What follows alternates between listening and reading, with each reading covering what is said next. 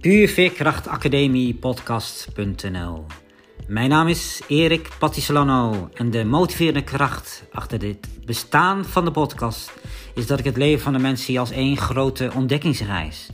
Met kleine en grote gebeurtenissen, met onze geluk en pijnlijke momenten in ons levensspoor.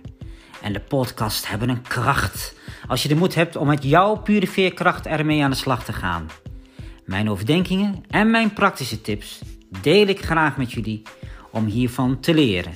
Dus luister naar mijn podcast en blijf mij volgen op puurveerkrachtacademiepodcast.nl.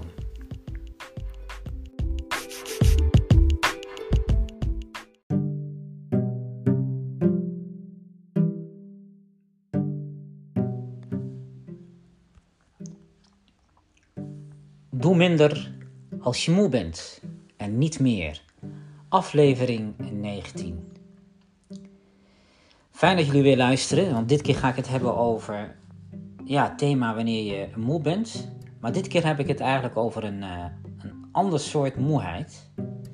Want veel mensen hebben ja, een jachtig leven, hebben het altijd druk. Druk, druk, druk. Stellen ook allerlei doelen in hun leven met volle agenda's en vaak worden ze ook geleefd. Dat is toch vaak het meest schrijnende door anderen. En doorgaans zijn ze altijd opgebrand en altijd moe. En die batterijen die, uh, ja, die, zijn, die laden ook niet meer op bij deze mensen. En het woord burn-out ligt op ieders lippen. En ik heb wel de indruk dat het coronatijdperk wat ik net al zei, een soort ander soort moeheid met zich meebrengt. Want de strijd tegen het corona maakt ons allemaal moe. Het lichaam is niet moe, maar de ziel is moe. De bezieling op de manier hoe wij eerst het coronavirus bestreden hebben, is eigenlijk vervlogen.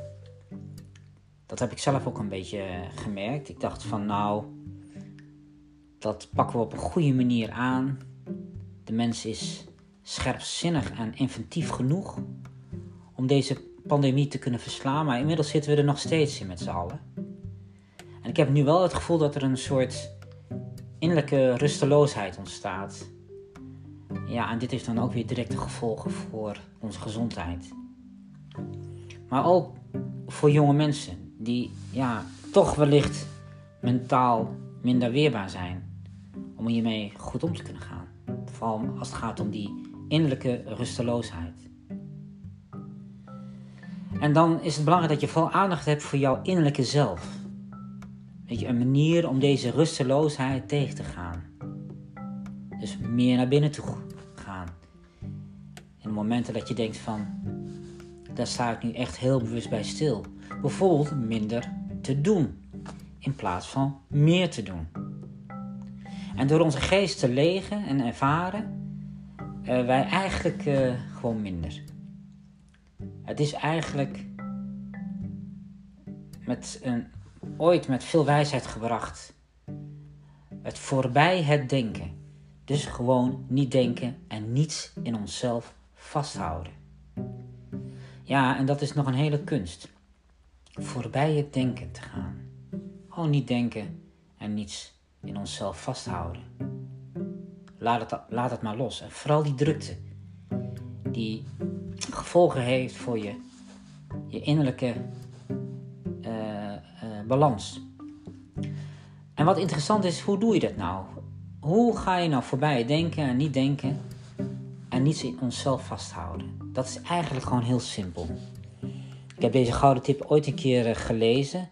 En dat is alleen gewoon je verbinden met de natuur. Dus ga naar buiten toe. Bijvoorbeeld als je buiten bent, kijk eens naar de lucht, kijk eens om, omhoog. Hoe de wolken verdrijven. Welke kant gaan ze op?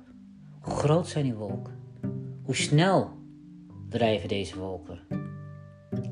En daarnaast luister eens heel actief als je buiten staat. Wat voor geluiden hoor je dan?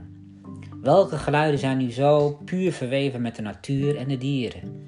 Nou kan je zeggen dat is ongelooflijk veel. Op het moment dat je je echt er bewust van bent om actief te gaan luisteren.